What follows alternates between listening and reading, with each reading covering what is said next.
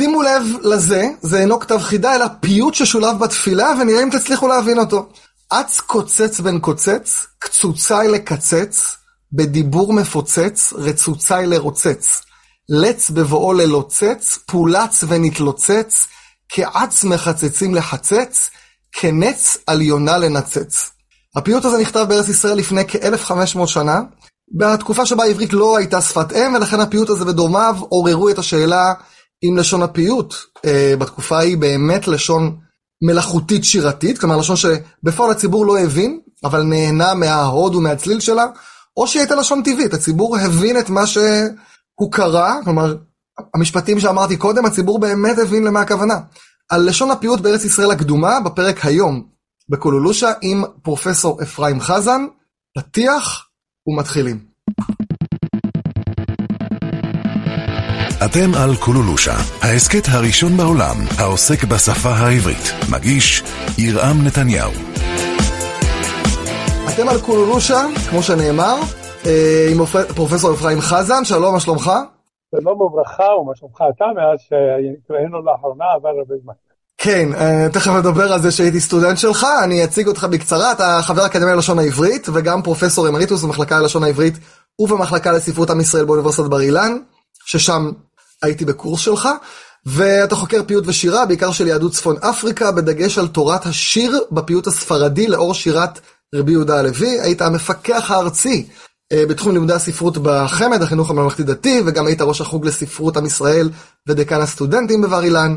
ואם השם של פרופסור חזן נשמע מוכר למי מכם, אז uh, מעבר למאמרים והספרים שכתבת בתחום הפיוט ולא רק, אז יש uh, חוברת שלדעתי הכי מפורסמת של האוניברסיטה הפתוחה בפרקים על תעודות לשון העברית, שם כתבת את, ה, את החוברת על שירת ספרד, וגם העמדת תלמידים הרבה, אתה מרצה בכל מיני מכללות להכשרת מורים ועוד ועוד, וגם, אם מותר לספר, אתה בא לעיטור יקיר ירושלים. וזכית בפרס למפעל חיים לחקר קהילות ישראל על שם הנשיא בן צבי. וואי, כמה תארים לבן, לבן אדם אחד. טוב, טוב, אני רק אגיד שהפרק הזה הוא מעין חלק א', כי אנחנו נקליט עוד פרק היום, ששם נדבר על לשון הפיוט הספרדי בתור הזהב. אבל כרגע אנחנו מתמקדים בפיוט הארץ ישראלי הקדום, שזה לפני אה, הפיוט הספרדי. ברשותך נפתח בקצת רקע על התקופה. על איזו תקופה אנחנו מדברים, אה, מה זה בכלל פיוט, מי הפייטנים שאנחנו מכירים מאותה תקופה אה, ועוד. אז על אילו שנים מדובר? קודם כל, אה, כבר אמרת, דיברת על 1,500 שנה, 1,600 שנה קצת. ההתחלה לא ברורה, כמו כל התחלה. תמיד אי, אפשר לחתוך את התקופות הלא ההיסטוריות ולא התרבותיות. תמיד באיזשהו מקום הדברים מתחילים ומתגלגלים, כך שבהחלט 1,500 שנה זה בהחלט משמעותי מאוד בהקשר הזה, אבל אני משער שכבר 200 שנה קודם, כל מה שאנחנו אה, אומרים, אה, קוראים לפיוט הקדם קלאסי, שהוא אה, אה, הפיוט שקדם לפיוטים של, לפיוט שאתה ציינת, שאתה קראת, אץ קוצץ וכולי, זה הקליר. הקליר יבוא, נאמר, קצת אחרי זה, לקראת המאה השישית, בסוף המאה השישית-שביעית, לפניו אה, קדם פייטן בשם ינאי, אבל ראשית הפיוט הייתה עוד קודם, ואנחנו קוראים לזה ראשית הפיוט העלומי, של עלומי השם, או הפיוט הקדם קלאסי. ואחריו הפיוט הקלאסי, זה אותו אץ קוצץ שציינת, ובפיוט בפיוט הזה, הקדם קלאסי, הוא בעצם אה, תרבות מאוד מפותחת ומעניינת, כאשר הסימן המרכזי שלו היה שהזאת זה פיוט בלתי מחורז. הסימן המרכזי של הפיוט הקלאסי הוא חרוז שצומח. בפיוט הקדם קלאסי כבר יש את הניצנים של הפיוט שיבוא ואולי של הפיוטים עד היום. רגע, כשאתה מדבר על חריזה, אתה לא מתכוון לחריזה כמו של היום, אלא שיש אותו, אותו צליל שחוזר, זו הכוונה? וואו, זאת שאלה, כשאתה מדבר על העניין של החריזה, אני יכול רק להפנות למאמר ענק, ענק תרתי משמע, של בנימין ארשובסקי, פרופסור בנימין ארשב, שהוא קרא לזה החרוז העברי מראשיתו ועד ימינו. אז עכשיו אה, הדמיון בצליל בחריזה הוא, אה, ומהו חרוז? ומה נחשב לחרוז יפה, זה כבר תלוי בכל תקופה ותקופה. אם אני אתן לך חרוז כמו העיר אשר בדד יושבת, כנגד, וכן, ובתרדמת אילן והאבן, שבויה בחלומה, העיר אשר בדד יושבת ובליבה חומה.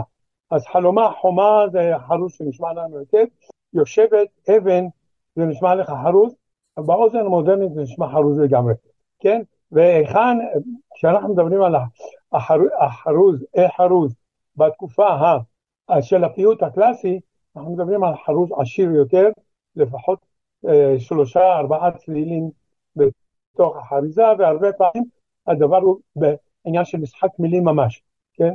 אה, ארץ אשר נענשה, ושני מבולים נענשה, זה חרוז אצל ינאי לפרשת, לפרשת נוח. רגע, זו אותה מילה או שלא כותבים אותה אותו דבר? נענשה, נענשה. אה, אחד באלף, אחד בעין? אחד בעין, אז הנה לנו, זה לא רק חרוז, זה גם אפילו משחק מלכה, חריזה עשירה בהחלט בכיוון הזה. בפיוט הקדם קלאסי עדיין החרוז לא נחשב למשהו כל כך גדול שבונים עליו את השירה. אם יש חרוזה, חריזה בתקופה הזאת, היא פשוט נותן, אה, באה לקישוט קטן במקום מסוים. כך אנחנו מוצאים באחד הפיוטים הקדם קלאסיים, סעו המה למנוחות, עזבו אותנו להנחות. אז מנוחות להנחות, זה שוב נשמע חרוז, אבל כל הפיוט כולו לא מחורז, הוא מתחיל אנשי אמונה עבדו, באים בכוח מעשיהם, גיבורים לעמוד בפרץ. ואומרים בסליחות. ואומרים בסליחות, ואומרים, כספרדי אתה יודע שאומרים את זה גם בתחנוני, בתחנון של יום שני וחמישי. יום חמישי, כן, שני וחמישי. זה קדם קלאסי? זה נחשב לקדם קלאסי. כלומר. בקדם קלאסי לא יודעים אה, מי חיבר? בכלל אף אחד לא, לא מכירים? מכירים את האחרון. האחרון שבהם הוא יוסי בן יוסי, שכתב סדרי עבודה, והוא, אה, איך אנחנו יודעים, הרי זה פיוט אנונימי, הם, לא, הם עדיין לא חותמים את שמם בפיוט. הקרוסטיכון כאן הוא א' ביתית בכל הכיוונים. זה יכול להיות א' ב' אה, אה, א' ב' לפי, זה יכול להיות מה שאנחנו קוראים תשרק, מיטה והלאה, יכול להיות צירוף של אות ראשונה ואות אחרונה, הדבש וכדומה. כלומר כאן במרכז זה הקרוסטיכון הוא לא שמו של הפייטן. איך אנחנו יודעים לייחס את הפיוטים ליוסף בן יוסף? פשוט עזר לנו רבי סעדיה הגאון, שהביא כמה פיוטים ואמר, את הפיוטים האלה חיבר יוסף בן יוסף. הבנתי, רגע, בוא נגדיר שנייה קדם קלאסי וקלאסי. מה, אה, קדם קלאסי מאיזו תקופה הזאת בדיוק? קדם קלאסי זה עד המאה החמישית, איפה זה התחיל, קשה, קשה לשים את האצבע, אבל אנחנו משערים שזה אה, בערך 200 שנה מן המאה השישית עד המאה החמישית. ומה קרה מהקדם קלאסי לקלאסי שאומרים מפה זה נחשב אה, כבר לא קדם אלא קלאסי, מה קרה שם? כן, הקלאסי יש בו שתי תכונות מרכזיות והן, אה, והן מה שאמרתי קודם, באקרוסטיכון מופיע כבר שמו של הביתן, מה שאנחנו קוראים חתימה, והחרוץ צומח בפיוטי ינאי, פיוטי ינאי ואילך. אז הבנתי, אז אקרוסטיכון וחריזה זה מאפיין של קלאסי, לעומת הקדם קלאסי. נכון. מי המציא את החרוז? עם ישראל המציא את החריזה, הגויים, לקחנו את זה, מי המציא את החרוזים? השאלה הזאת נדונה בהרבה מקומות, בסופו של דבר מגיעים למסקנה, יש לנו גם שירה סינית ויש לנו שירה, בכל, שירה בעולמות שונים, שהחרוז הוא, הוא, הוא אמצעי שכנראה צמח בו בזמן במקומות שונים. אבל מה שברור, מה שחושבים חוקרי הפיוט, שהחרוז בשירה האירופית, כן, בשירה המערבית האירופית, צומח מן החרוז העברי שהלך, שהשפיע על, ה, על הפיוט הסורי, הפיוט סורי פירושו פיוט נוצרי שנאמר בארמית סורית, לא בסורית של היום שזה ערבית, משהו אחר לגמרי, כשמדברים על סורית בלשנות מתכוונים לארמית הסורית, והפייטנים, הפייטנים הסורים הנוצרים, עבדו לפי, כן, יש אומרים שהם אימצו את החריזה מן השירה העברית, ויש אומרים שלא, גם שם זה צמח מעצמו ולא, כן, וכל אחד מביא את ההוכחות שלו, זה דבר מאוד מעניין, החריזה אבל בסופו של דבר המסקנה היא, האריזה זה תופעה כל כך, אה, נאמר טבעית, שהאוזן תבקש לעשות אותה, שזה צומח במקומות שונים. אבל בין כך ובין כך, עד למאה השישית לא הייתה חריזה בשירה העברית, כן? יש כאלה שמצביעים על כמה, על כמה פסוקים בתנ"ך, אבל, כן? אה, אבל כמובן זה עניין של, של מקרה לגמרי. עוד uh, עניין יותר עמוק בין, החר... בין הפיוט הקדם קלאסי לפיוט הקלאסי, שהפיוט הקדם קלאסי עדיין לא פיתח את ה... Uh, uh, עדיין לא פיתח מאוד, uh, לא פיתח את העניין של ה... Uh, נקרא לזה היצירתיות, מה שאני אקרא לזה אולי יצירתיות, יצירתיות מוגזמת בלשון, כמו שנראה אחר כך בפיוטי הקליר, בדוגמה שהבאת, כן? הם כותבים בדרך כלל אה, בלשון, אה, בלשון המקרא, והתופעה הפייטנית המיוחדת, פה ושם יש כמובן לשונות פייטניות, אבל הן לא כל כך אה, מסובכות, אבל התופעה המיוחדת שיורישו הפייטנים הקדם קלאסיים לכל, כמו שאמרתי, לכל הפייטנים העבריים שיבואו אחריהם עד, עד היום, זה הכינוי. כינוי פירושו כך, שכאשר פייטן מזכיר אדם, כן, מזכיר אה, דמות כלשהי, או, או לפעמים אפילו חפץ, הוא, הוא, לא יאמר, הוא לא יקרא לו בשמו הרגיל שהוא, כן, אלא משה למשל, הוא לא יאמר משה רבנו הוא משה, הוא יקרא לו נאמן בית, כן, הוא יקרא לו טוביה, הוא יקרא לו יקותיאל, אז נאמן בית זה מתבסס על בכל ביתי נאמן הוא.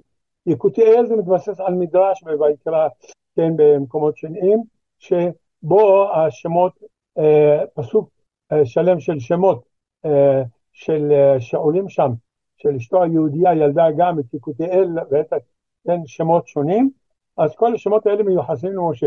משה הוא אבי זנוח, מדוע? כי הוא אביהם, כן, אה, אביהם של ישראל שהם זנוחים. או משה הוא יקותיאל, מדוע? שיקבע את ישראל, את, את ליבם של ישראל לאביהם שבשמיים. רגע, זה, זה, אומר שה, זה אומר שהמאזין צריך לשלוט במדרשים. יפה. שליטה אבל מוחלטת, כי פסוקים אה, אה, נאמן ביתי זה מיד קפץ לי, אבל יקותיאל אמרתי רגע איך, וניסיתי להריץ בראש, זאת אומרת זה מדרשים, זה... החוכמה הגדולה היא שעגנון למשל, אחת הדמויות שלו, בפת שלמה, זה אחד הסיפורים המעורפלים והסמליים של עגנון, הוא קורא שם לגיבור שלו יקותיאל נאמן, כן, הוא בא כאילו לציין בצורה כזאת את משה רבנו דווקא, דבר, דבר מעניין הנה כאן, וזה נכון, כלומר, השליטה במדרש היא הכרחית כאן, השליטה במקרא בוודאי, אה, כמו ש... כן, אבל הרבה פעמים כן יש מה שאנחנו אומרים כינויים יותר שקופים וכינויים יותר עמומים או אטומים, כן, יותר אתה צריך כבר לרדת, לחפש ולמצוא, כן, לכן עבודתם, זו עבודתם בעצם של המהדירים, אלה שמציגים את השירה הזאת בפני הציבור הרחב ומוציאים את ספרי ה... היום, בימינו. ספרי... בימינו, כן, בדורות האחרונים, שני כן. הדורות האחרונים, אז כאן בהחלט אה, למשל פיוטי ינאי, אז יש מהדורה מפורשת של אה, אה, מאיר צבי רבינוביץ', שהיה באוניברסיטת תל אביב, עם כל הפירושים, עם כל המדרשים. אה, רבינוביץ' היה בעיקר איש תלמוד, אז הנה לנו כמה זה חשוב, איש תלמוד ומדרש. בהרחבות לפרק אני אוסיף כישורים עם כל מיני הפניות ל... כאלה שהדירו אה, פיוטים. עכשיו, רגע, ציינת שמות, יוסי בן יוסי, קליר, ינאי. ניתן טיפה, הסדר הוא יוסי בן יוסי, אחר כך הקליר, אחר כך ינאי? יוסי בן יוסי, ינאי, הקליר. ומה אנחנו כן. יודעים עליהם, ואיך אנחנו בכלל יודעים עליהם? זאת אומרת, איך... אמרת שרס"ג ציין, אבל מה, מה אנחנו יודעים על האנשים האלה? הרבה אנחנו לא יודעים. יוסי בן יוסי, יש בכל מיני... אה, מורי ורבי פרופסור אהרון מינסקי עליו השלום, הוציא את המהדורה של פיוטי יוסי בן יוסי, והוא מנסה לחפש, הוא אומר, יש כאלה שקראו לו יוסי בן יוסי, אה, אה, כן, יוסי בן יוסי הכהן גדול, אבל זה לא יכול להיות, במאה החמישית אין לנו כהנים גדולים, אז הוא אומר, הכינוי הזה ניתן לו על שמו, על שם סדרי העבודה שהוא, שהוא חיבר. הוא חיבר כמה וכמה סדרי עבודה. ביום הכיפורים. היינו, בסדר, נכון, זה פיוט ארוך שמציין, שמתאר את עבודת הכהן ביום הכיפורים, שקודם לכן הוא מתאר מבריאת העולם ועד לאהרון הכהן. הגיע לאהרון הכהן, הוא לוקח אותו לעבודת יום הכיפורים לפרטיה על פי מסכת יומא במשנה. אז הנה לנו, כאילו הבנו, אחרים קוראים לו יוסף בן יוסף היתום. אז יש כאלה למדו את זה אולי מזה שקוראים לו על שם אבי, יוסף בן יוסף, ונראה, כן, כמו, אה, כן, יאיר בן יאיר וכדומה, יש לנו כמה דוגמאות כאלה בעולמנו, אבל הוא אומר לא, המילה יתום יכולה לציין יחיד במינו. אה. כן, בערבית, כן.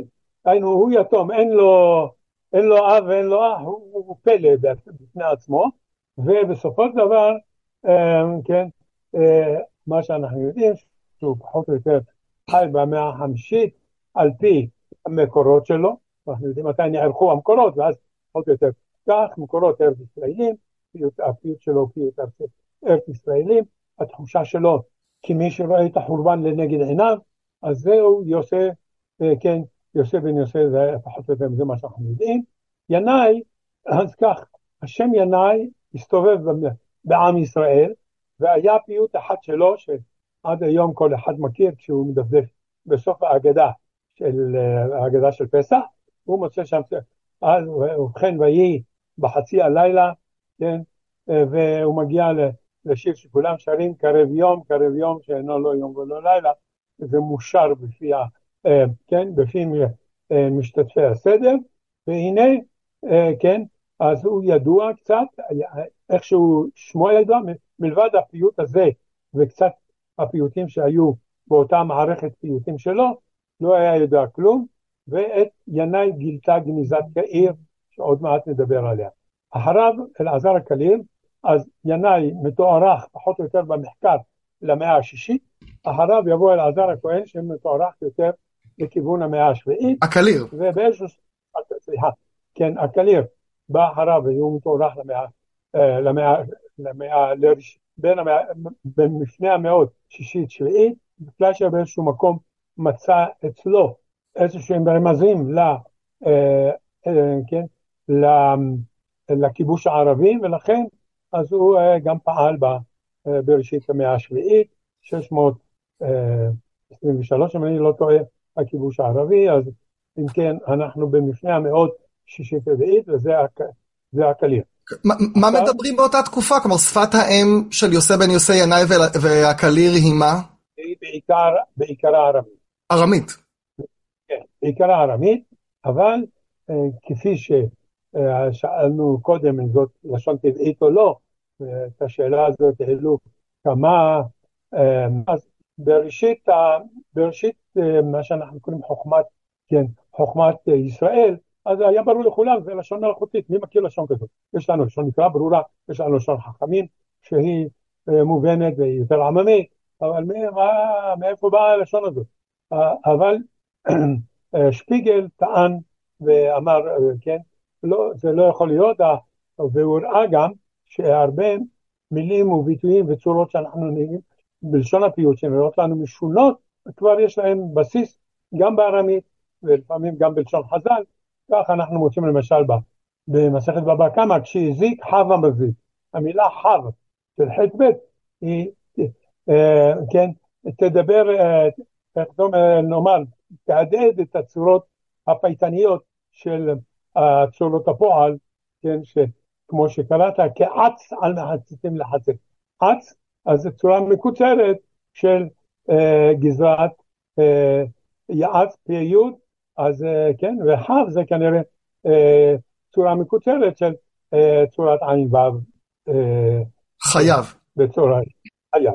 אז רגע, אם כבר נכנסנו לסיפור של לשון מלאכותית או לא, אז, אז פה, הוא, פה הוא מסביר למה זו, זו לשון אה, לא מלאכותית, אבל כשאני שואל את עצמי, קראתי את הפיוט אץ קוצץ, וזו ההזדמנות אולי להגיד שכל התקופה הזאת של הארץ, הפיוט הארץ ישראל הקדום, מכונה לשון אץ קוצץ בגלל הפיוט הזה, כי אומרת, מי שקורא את הפיוט הזה, נגיד אני, ולא הייתי קורא פירוש, אני חושב שגם רוב המאזינים לא היה מבין אותו.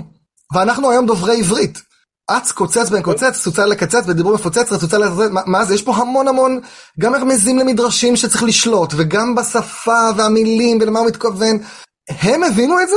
הציבור קרא את זה. יש לשער שהציבור הבין, אחרת לא היה קליר ממשיך לכתוב כל כך הרבה. כן? אבל זה אומר עברית ברמה מאוד גבוהה כשהם לא דיברו עברית, איך זה מסתדר?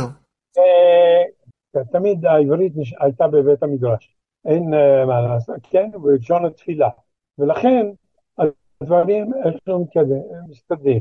האם זו הייתה באמת לשון טבעית שכך דיברו בסוף תקופת הדיבור העברי?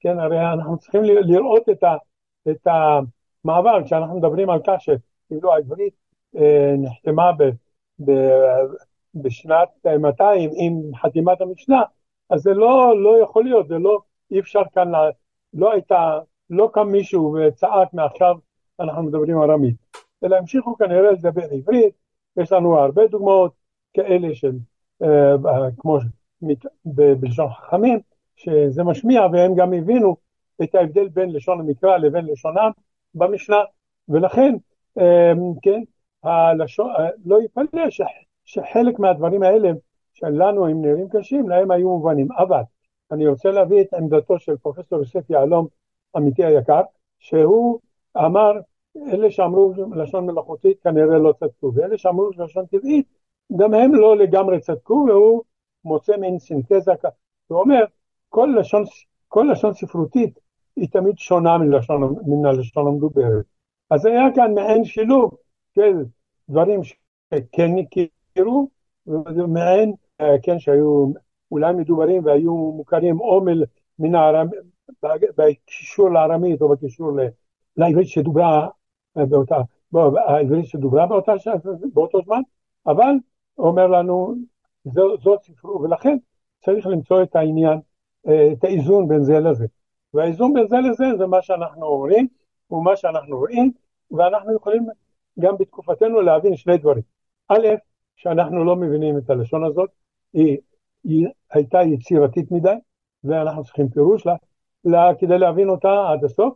אה, היא באמת משמשת אתגר לכל אוהב עברית, כן, להתמודד עם, ה, עם האץ ועם הקוצץ, והנה אה, זה צד, מצד אחד, ואנחנו יכולים להבין אותם, גם אנחנו מחדשים, כן, מחדשים אה, לא מעט מילים, ואפילו שמחים להיעזר בחידושים שלהם.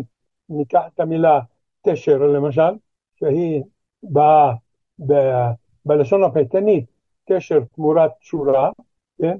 צורה של מקוצרת, או צורת מלאליות שהם אהבו מאוד לתת לשמות עצם, אז זה תשר, והנה אנחנו משתמשים בזה לטיפ, וכל דובר עברית היום, וכל דובר עברית היום, שהוא אה, מתעניין וכדומה, הוא מכיר, מכיר את זה.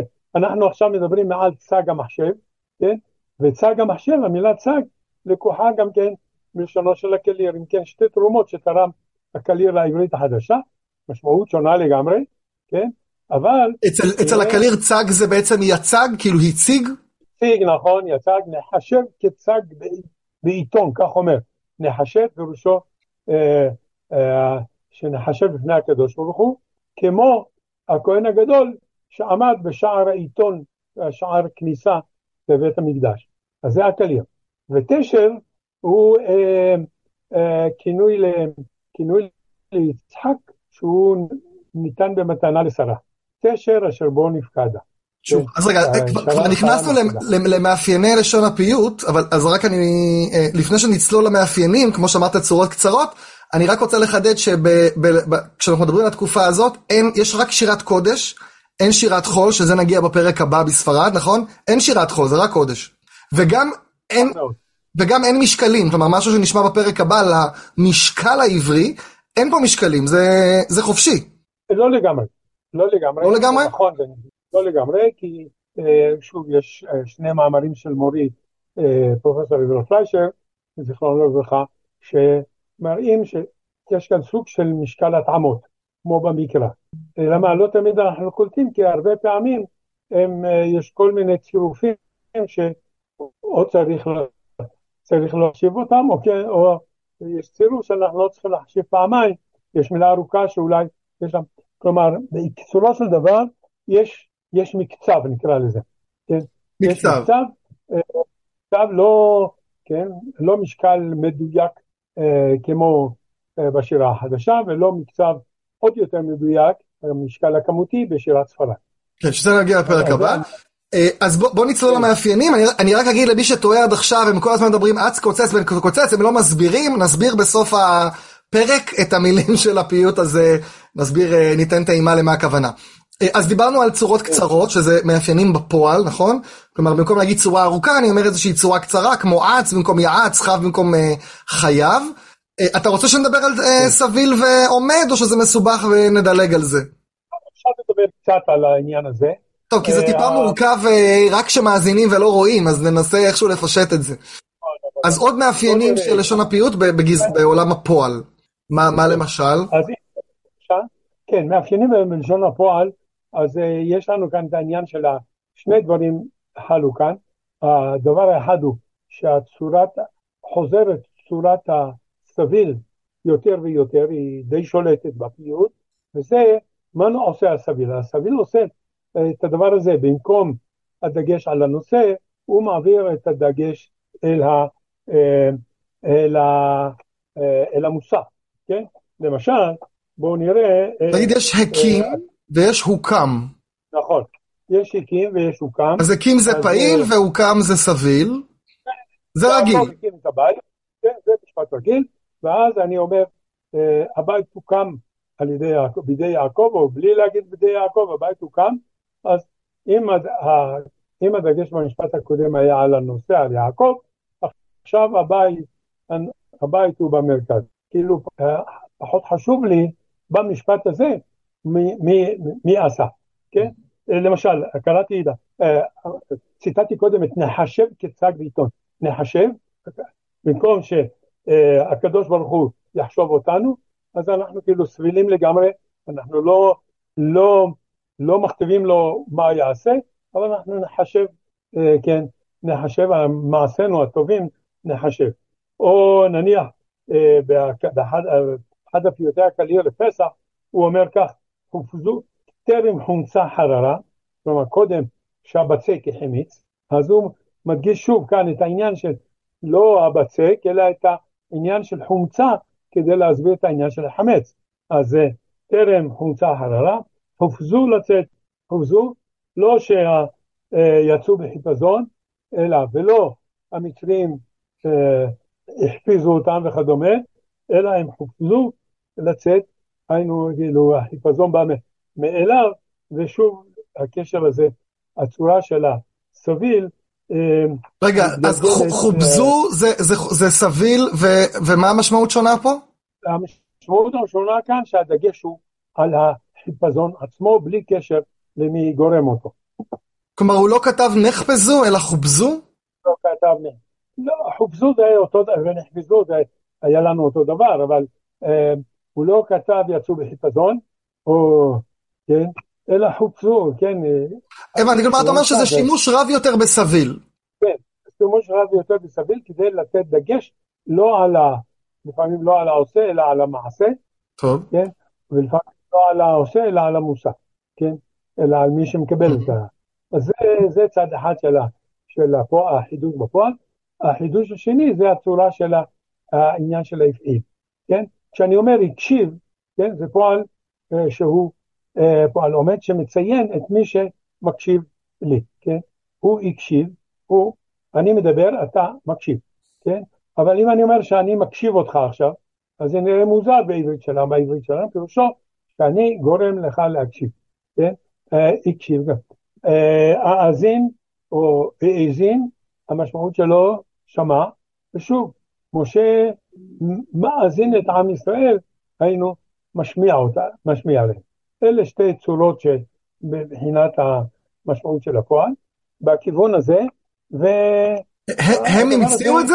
זאת אומרת, יש, לזה הדים לפני כן?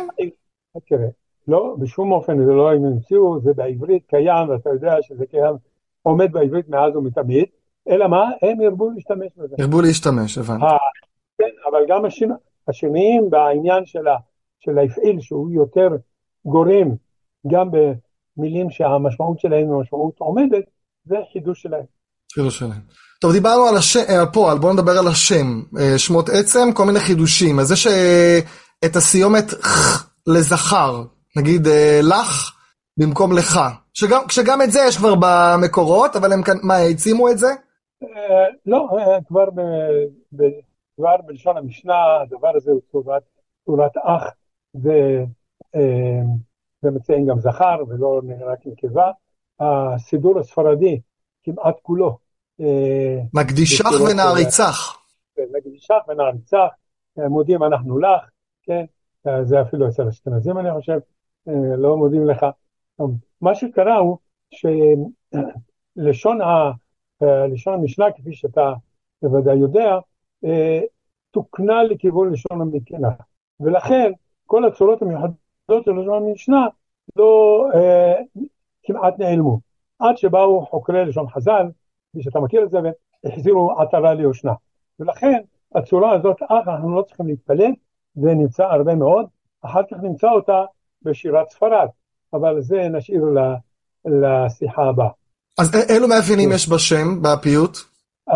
כן, קודם כל uh, יש, יש לנו הצד של ה...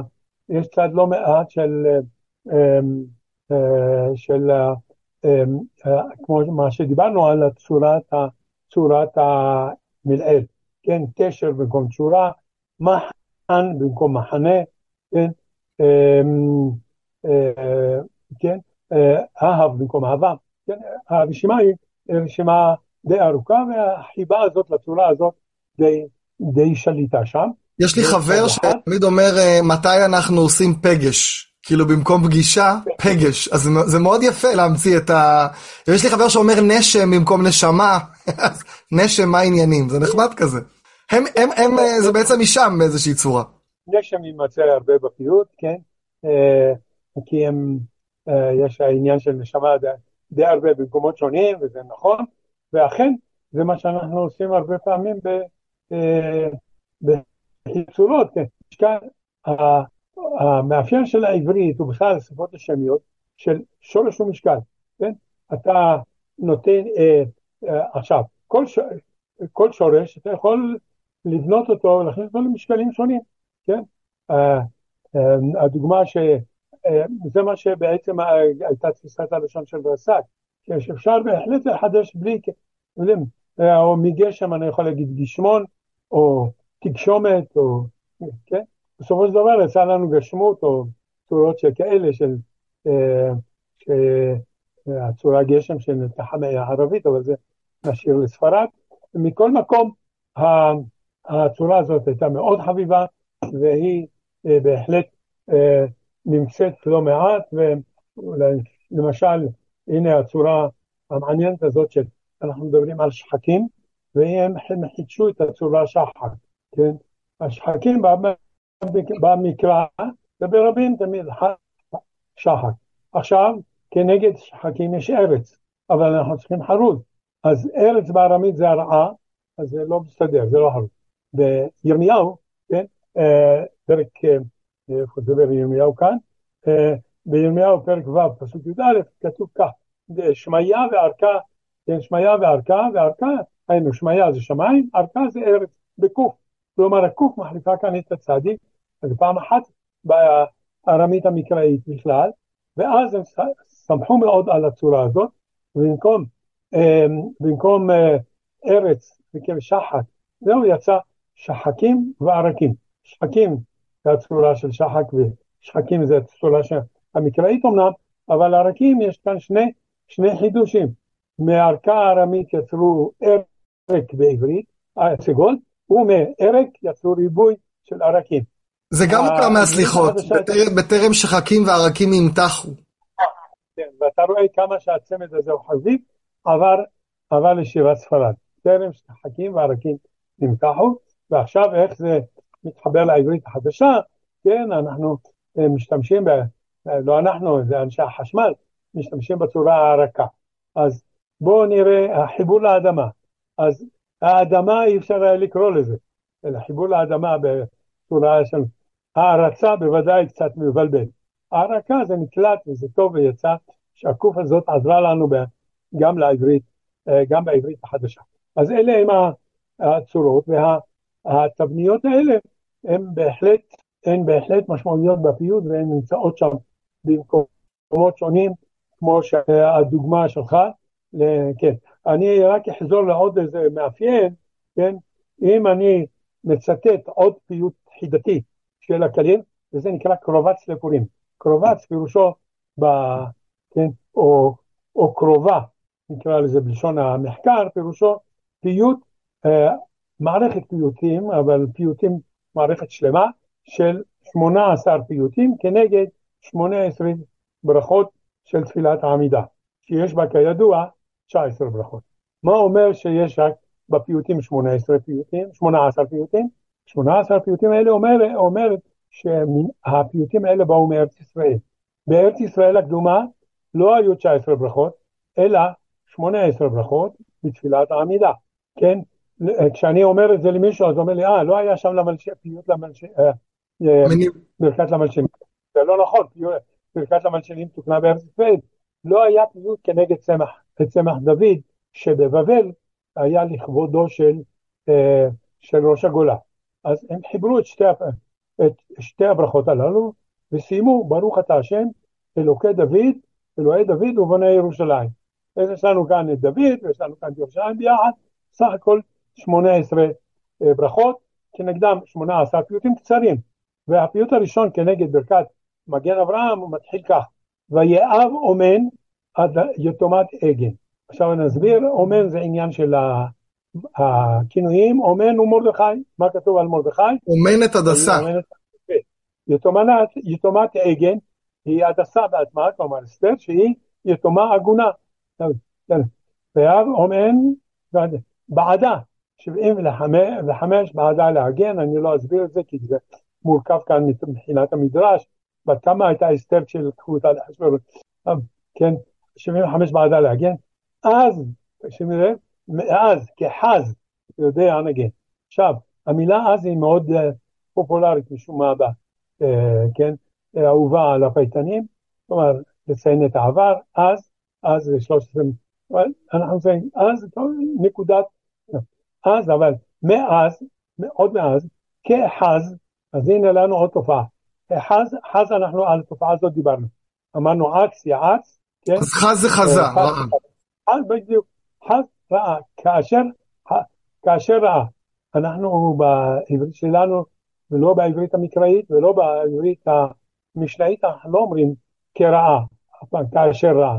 כן, כאן הם משתמשים בכך, כן, כחז מאז כחז יודע נגן, זה ליודעי תנ"ך, יודע נגן, הוא דוד המלך, כאשר ראה דוד המלך, כן, אמ, אה, אז מאז, אז, עוד פעם, מחילה? לא, הכל בסדר. כן, אז מאז אה, יגן, ומרדכי אומץ באלף המגן. כן, מה הוא ראה דוד המלך? שמעי בן גרה פילל את דוד. יואב מה אומר לו? תסיר את ראש הכלב הזה מעליו. בא דוד אומר לו, אל תפגע בו. למה הוא אמר לו אל תפגע בו? לפי הפייטן, כי הוא ראה שעתיד להיוולד ממנו מרדכי, כן? מרדכי שיציל את עם ישראל אי שם. משהו כאן מורכב מאוד, כפי שאתה רואה, שילוב של פסוקים, שילוב של עניינים, ושכמובן, ומרדכי, אה, כן, אז אה, כאז יודע נגן. אז המאפיין פה שמוסיפים כף לפועל, בצורה שהיום לא היינו אומרים כרעה? נכון, כף לפועל בעבר. כף לפועל בעבר. כן, או בעבר, כך זה טוב. היינו אומרים היום כאשר רע, או משהו כזה. כאשר או כש, כלשון חכמים. כאשר רע לשון מקרא, כן, זה לשון חכמים, וזה אה, נמצא, אה, כן, בהקשר הזה של ה... אה, בהקשר של הפיוט הרבה מאוד, בתבניות, בתבניות שונות. כן. אגב, אם דיברנו על שונות חכמים וכולי, הם, הם, אוצר המילים שלהם היה יותר מקראי או משנאי? אוצר המילים הוא יותר מקראי, בהחלט יותר מקראי, בכלל, אבל, וגם הרמיזות למדרשים הם לפעמים דרך המקרא. מכיוון שהמדרש בנוי על פסוק, הרבה פעמים הם ישלבו את הפסוק והתכוונו למדרש. מה, תיתן דוגמה למה הכוונה. קשה לי עכשיו לענות. אה, אז בסדר, לא חשוב. אה, יש לך, יש עוד מאפיינים בתחום השם סמיכות שגב? אתה רוצה שנדבר על זה? כמובן, יש עניינים של סגנון, כן? בעניינים של סגנון, בסמיכות השגב אני, ברשותך, יש לי כאן כמה... דוגמאות. אז תיתן דוגמאות ונסביר גם מה זה המונח הזה סמיכות שגב. לעומת מה היינו אומרים היום ואיך הם התנסחו בצורה בעצם, אפשר להגיד הפוכה טיפה, לא? זאת אומרת... קחו את הסדר, כן. נניח אם אני, הרבה פעמים, בעצם בואו נתחיל מזה, שישנה תופעה של לשון הפיוט של מה שאנחנו קוראים, אנחנו קוראים לזה סמיכות הפוכה. כן? סמיכות הפוכה זה להפוך את הסמיכות. כך למשל ינאי מכנה את הנוצרים יערי חזיר. יערי חזיר? יערי חזיר, כן. במקום לקרוא להם חזירי יער, כמובן לביזנטים ששלטו בארץ ישראל וכולי, שהם מייצגים בעיניו את עשיו ואת אדום, הנוצרים וכדומה, קורא להם יערי חזיר. יערי חזיר הכוונה היא חזירי יער, כן? הקליר באחד מהפיוטים שלו לראש השנה, הוא מדבר, אקדמנו בשופר ובברך קריאה. היינו, אני אקדם את הקדוש ברוך הוא בתקיעת שופר, כמנהג כמצוות היום, ובברך קריאה פירושו בקריאת ברך, שזה תבנית של סמכות הפוכה. מאיפה הם הביאו את זה? זה, זה? גם יש את זה במקורות, או שזה השפעה של שפה אחרת, או שזה פנים עברי? כי אני חושב שיש בתנ"ך אה, דברים כאלה, לא? יש אה, בתנ"ך, במקרה, אני חושב שזו דוגמה אחת או שתיים שעכשיו לא עולות לי על, אה, לפניי, אבל בעיקרו של דבר, התופעה הזאת אה, היא מצויה בפיוט הקדום, וממנו היא עוברת לפעמים, ל, אה, כן, היא עוברת למקומות, למקומות, היא עוברת למקומות שונים באשר הם, כן. אז זה, זה הרבה פעמים תופעה שהיא חד, חד פעמית במקרא או במקומות אחרים, היא משתלטת על, על, נקרא לזה, על, על סוגה מסוימת באיזשהו, באיזשהו מקום, ואנחנו נדבר, רצינו לדבר על ה... כן, רצינו לדבר על ה... סמיכות שגב. סמיכות השגב. שגב אני אגיד שזה בסין, מלשון סגיב, משהו נשגב, כן, רק שיהיה ברור שזה בסין ולא בסמך. אז עכשיו ככה, אז הנה אני נאמר, חגי, נקרא לזה, כשיש, התבנית היא של, של שם, שם, שם, נקרא לזה שם מופשט, שמתחבר לשם מוחשי, ונותן לו, אז מילות השגב זה כמו מילה כמו צדק, כבוד, כן, דברים שהם מעבר לחושים, והפייטן לוקח אותם, נניח הוא מדבר על, על כבוד החג, כן, הוד הרגל, רגל מלשון רגלים וכדומה בהקשרים שונים, או הופך את הסדר על פי השיטה של מה שקראנו סמיכות הפוכה. אז רגע, לא הבנתי, מה הוא אומר במקום מה? שאמרת עם הרגל? רגע, לא שומע עוד פעם? שנייה אחת, אני מיד ואני... אני יכול לתת דוגמה אם אתה רוצה. כן, בבקשה. בסמיכות שגב. לא הכנתי, אבל אני עכשיו מדפדף. זמני ששון, חגי נדבה, לא? חגי נדבה, כן. זמני ששון, אז המילה זמן היא מוחשית לנו, הששון אולי הוא קצת פחות. חגי נדבה, אז אני אחזור על העניין, כמו שאמרנו, סומך שהיא מילה משמעות, שמשמעותה מופשטת, ואז יש לנו מילה קודש, צדק, כבוד וכולי, והנה, כמו שאמרת, זמני ששון, מועדי קודש, חגי נדבה, כן? לעיתים התבנית היא הפוכה, כלומר, ששון הזמנים, קודש המועדים, קודש מועדים, נדבת החג, כן? וזו ה... כלומר, חגי נדבה זה בעצם נדבת החג. נדבת החג, כן. והנה, תפילה קדומה שאומרת ותורישנו קדושת שבת, כבוד מועד, חגיגת הרגל. עכשיו אנחנו יכולים למצוא בפיוט למשל דוגמה של גובה סולם. גובה סולם כאשר התבנית היא סולם גבוה, כן? אז המילה סולם היא כמובן לגמרי, אה, אה, לגמרי מוחשית, המילה גובה היא קצת פחות, אבל ברגע שאני הופך את הסדר, כלומר לוקח צורה של שם, ו... שם ותואר והופך את הסדר הזה לתבנית, תבנית של סמיכות, כן?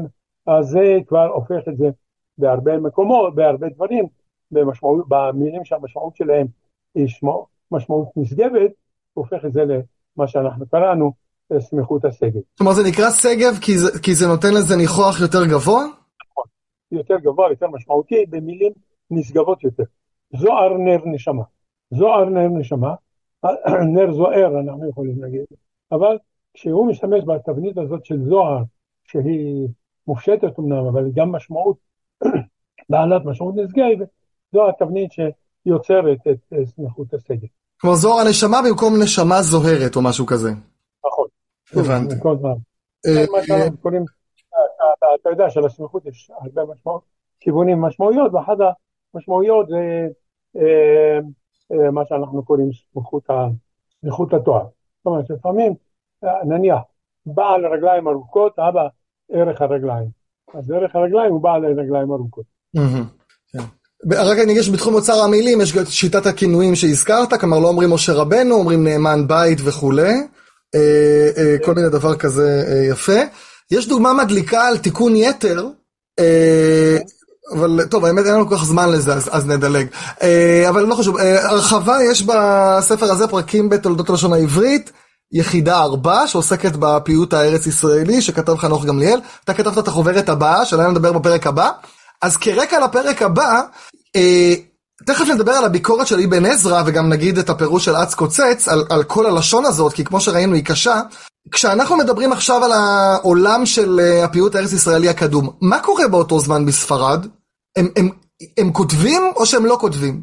מה קורה שם באותו זמן? אנחנו את, ה, את השירה בספרד, אנחנו פחות או יותר מוצאים אה, במאה התשיעית.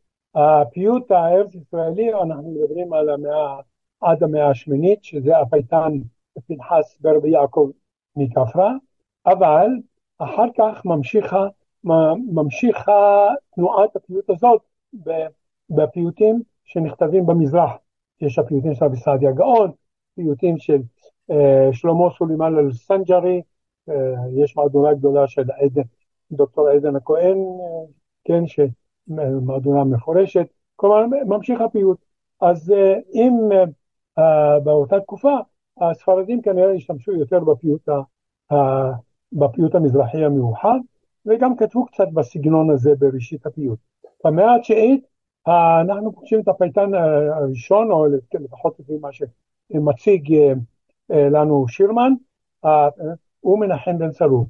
מנחם בן סרוק בעצם כותב בלשון, בלשון מקראית נקייה. רגע, אבל אנחנו כבר עוברים לפרק הבא, אז, אז לפני, לפני מנחם בן סרוק, כלומר, כשיש את הכתיבה בפיוט הקלאסי והקדם קלאסי, אין לנו, אין לנו עדויות לשום פיוטים בספרד. כל ספרד נכבשה ב-700, שנת 700. הבנתי, אז, אז שם זה דממה בינתיים. וכולי וכולי, עוברים עוד 200, עוברות עוד 200 שנה, כן? ולכן אין. אבל בכל זאת, אה, אה, אנחנו יכולים לראות את ניחוח הפיוט הקדום בפיוטים של פייטנים ראשונים בספרד. אצל אה, יוסף אבן אביטור, וקצת אצל רשב"ג, רבי שלמה אבן זירון, הפייטן הגדול. אז טוב, אז אלה שמות מה שנרחיב בפרק הבא. בואו ניתן טעימה, זאת אומרת, מבוא לפרק הבא. אבן עזרא תקף בחריפות את הלשון הזאת שדיברנו עליה, לשון אץ קוצץ, כן, כשם קוד. אה, מה, הביקורת המרכזית שהוא, מה הוא לא אהב שם? מה הפריע לו? כן, בקהלת פרקי פסוק א' כתוב, כן, על כן יהיו דבריך מועטים, האלוקים בשמיים ואתה על הארץ, על כן יהיו דבריך מועטים בשני האלוקים. ואז אומר לנו אבן עזרא, כן, שהדברים צריכים להיות ברורים, התפילה צריכה להיות ברורה לפני הקדוש ברוך הוא, והוא מוצא כאן מקום לומר שכן, כל הפייטנים וכדומה, כל החידות הללו, הן מיותרות לגמרי. אומר אבן עזרא, כן, הוכלה לומר, נצטט אותו אולי במפורט, הוחלט לומר... נזכרתי שלא דיברנו על הגניזה, אז, אז רק נשלים את זה אחר כך, אחרי שתגיד מה אבן עזרא תוקף אותם. לא, לא, אמרנו גניזה, אבל לא, לא הזכרנו, אז גם את זה אנחנו חייבים לפני סיום הפרק. אומר לנו, הוחלט לומר, יש בפיוטי רבי אלעזר הקליר ארבעה דברים קשים. מה ארבעת הדברים הקשים? שעושה מזכרים נקבות נקבות זכרים.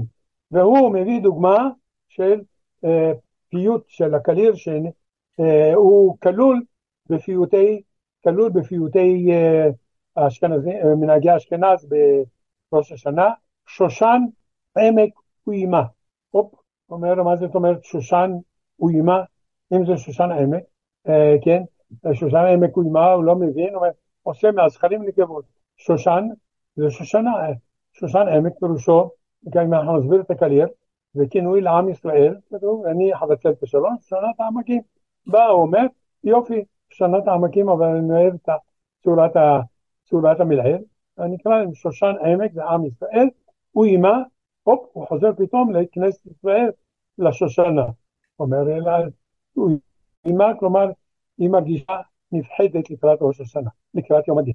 ואז אומר בן אדם, מה זה? עושה מהזכרים נקבות, נקבות זכרים, קשר צורה, המשחק הזה לא מוצא חן, אה, לא מוצא חן בעיניו, כן? ואז הוא גם אה, מביא כל, כל מיני צורות, חידושים, כן? לא דיברנו על החידושים הנוצרים של הפועל, של פועל שנוצר משם עצם, כמו למשל, כמו שאמרנו שיוצאים קשר מצורה, כך יצרו פעלים מעניינים כמו הצ'יר, כן? אתן מתנה, אתן צורה. איך הצ'יר? איך? באלף, כן. אני הצ'יר, הוא יצ'יר. אני הצ'יר.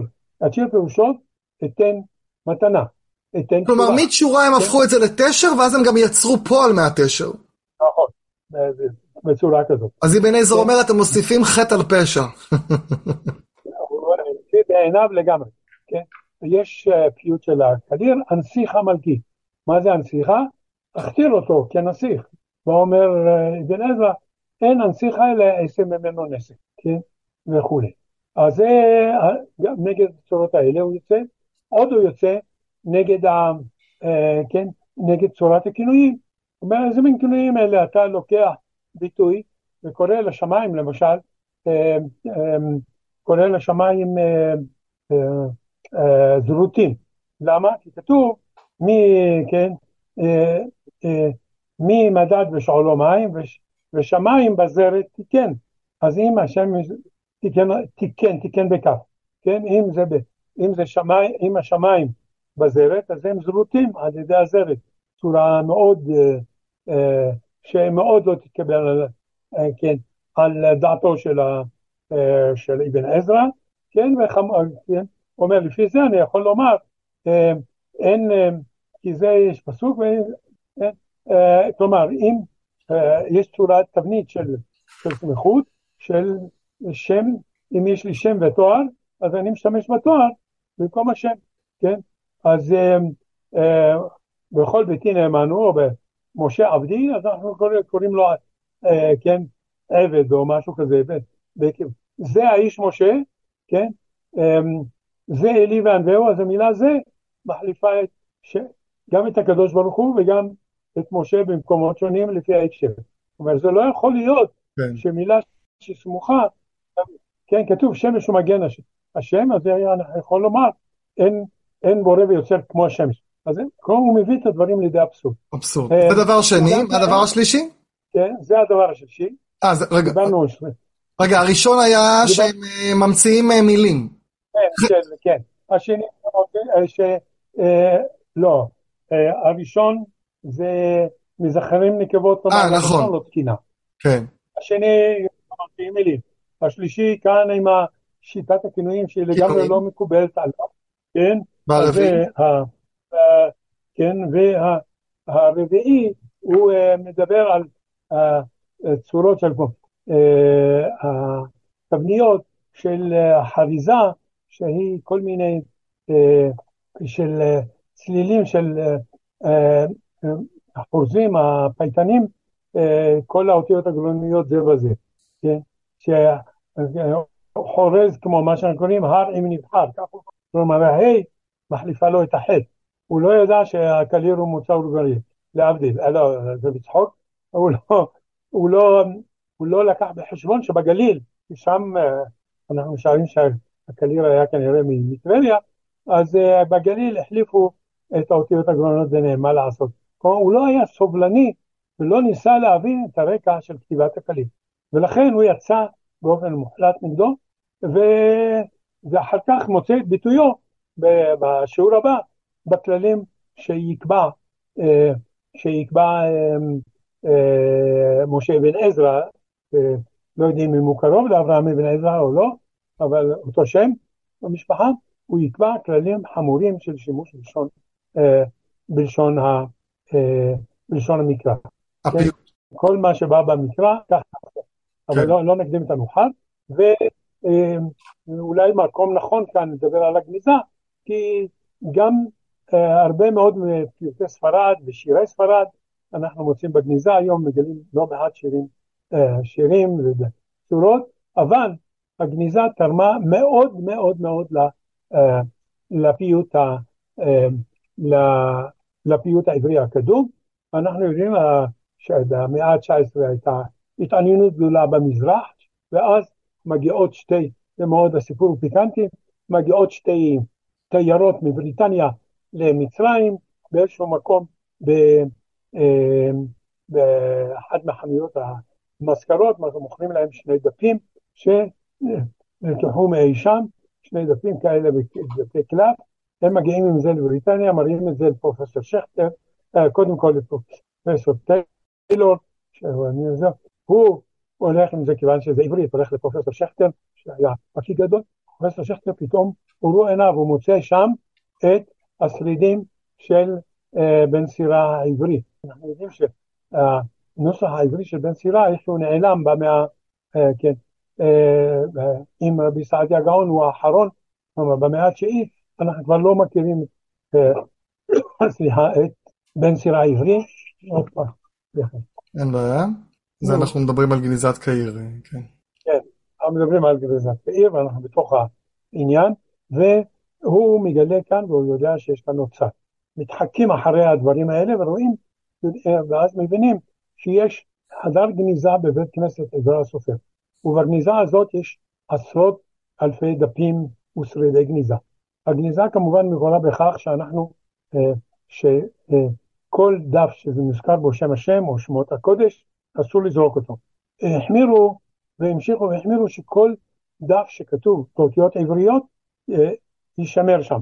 ואז באמת גנזו לא מעט אה, באותו חדר, חדר לא היה לו שימוש, מלמעלה הייתה עלייה בקיים, כל מי שהארכיון שלו או הספר, אה, כן, נקרא לזה, יצא מכדי שימוש, אז הוא לקח את הדפים לשם, והדפים הללו נשמרו שם, ובשלב מסוים הייתה אגדה שיש כאן נחש כרוך על הדפים ואסור, נכנס לגניזה, אה, משלם בחייו, אבל ברגע שהתחילו, התחיל הביקוש לכל מיני מזכרות, אז האנשים שמו נפשם בכפם, הוציאו ומכרו במקומות שונים.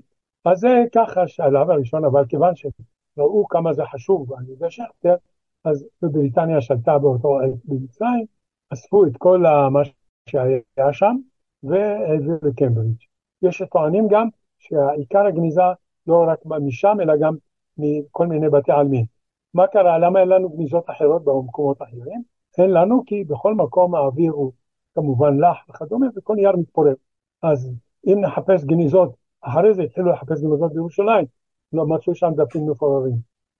ולא במקומות אחרים, ובכל מקום כמעט הלחות במצרים, מזג האוויר יבש וכולי, והדפים נשמרו, ומאז אנחנו ממיינים, אה, החוקרים ממיינים את דפי הגניזה. עד היום, כל כך הרבה שנים וזה עדיין אה, זה. עדיין לגמרי, והיום, אבל היום מה שאנחנו מרוויחים, שחלק גדול מזה, מדפי הגניזה, מועלים במרשתת, ואפשר למצוא שם בפרויקט אה, רידברג, כך זה נקרא, כל מיני קטעי גניזה שיכולים כן. אה, כן, שמרשימים מאוד, וכמובן הגניזה תרמה גם לפיוט הקדום, גם לפיוט הספרדי, גם ענייני עסקים וחיי החברה באותה תקופה, כי זרקו לשם גם מכתבים שנכתבו בערבית יהודית באותיות עבריות. אה, תולדות יהודה הלוי השתנו לגמרי אחרי הגניזה. מאה מכתבים וקטעי גניזה, מסמכים מהגניזה, עוסקים ביהודה הלוי, מהם שני אה, מסמכים בכתב ידו של יהודה הלוי. אז כך שהתרומה של הגניזה היא דבר... מרגש, גם הרמב"ם יש שם כל מיני דברים. רגע, בוא, אה, בסוף, אה, עכשיו בואו נתחיל לפרוע את החוב של אה, הפירוש של אץ קוצץ בקוצץ, קוצץ על קצץ, נדבר עד, אה, עד השורה הרביעית, כאץ וחצצים וחצץ, אז רגע, תסביר את הארבע שורות האלה. במה דברים אמורים?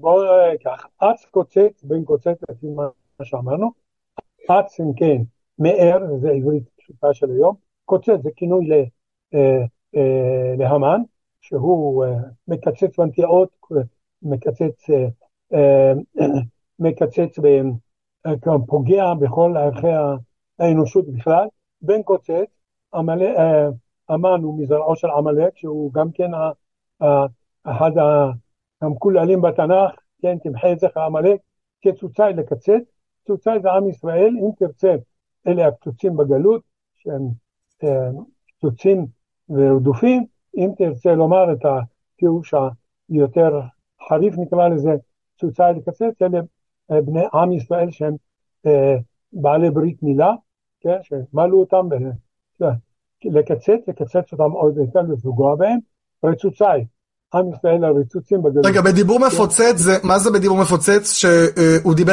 עם, אחשוורוש?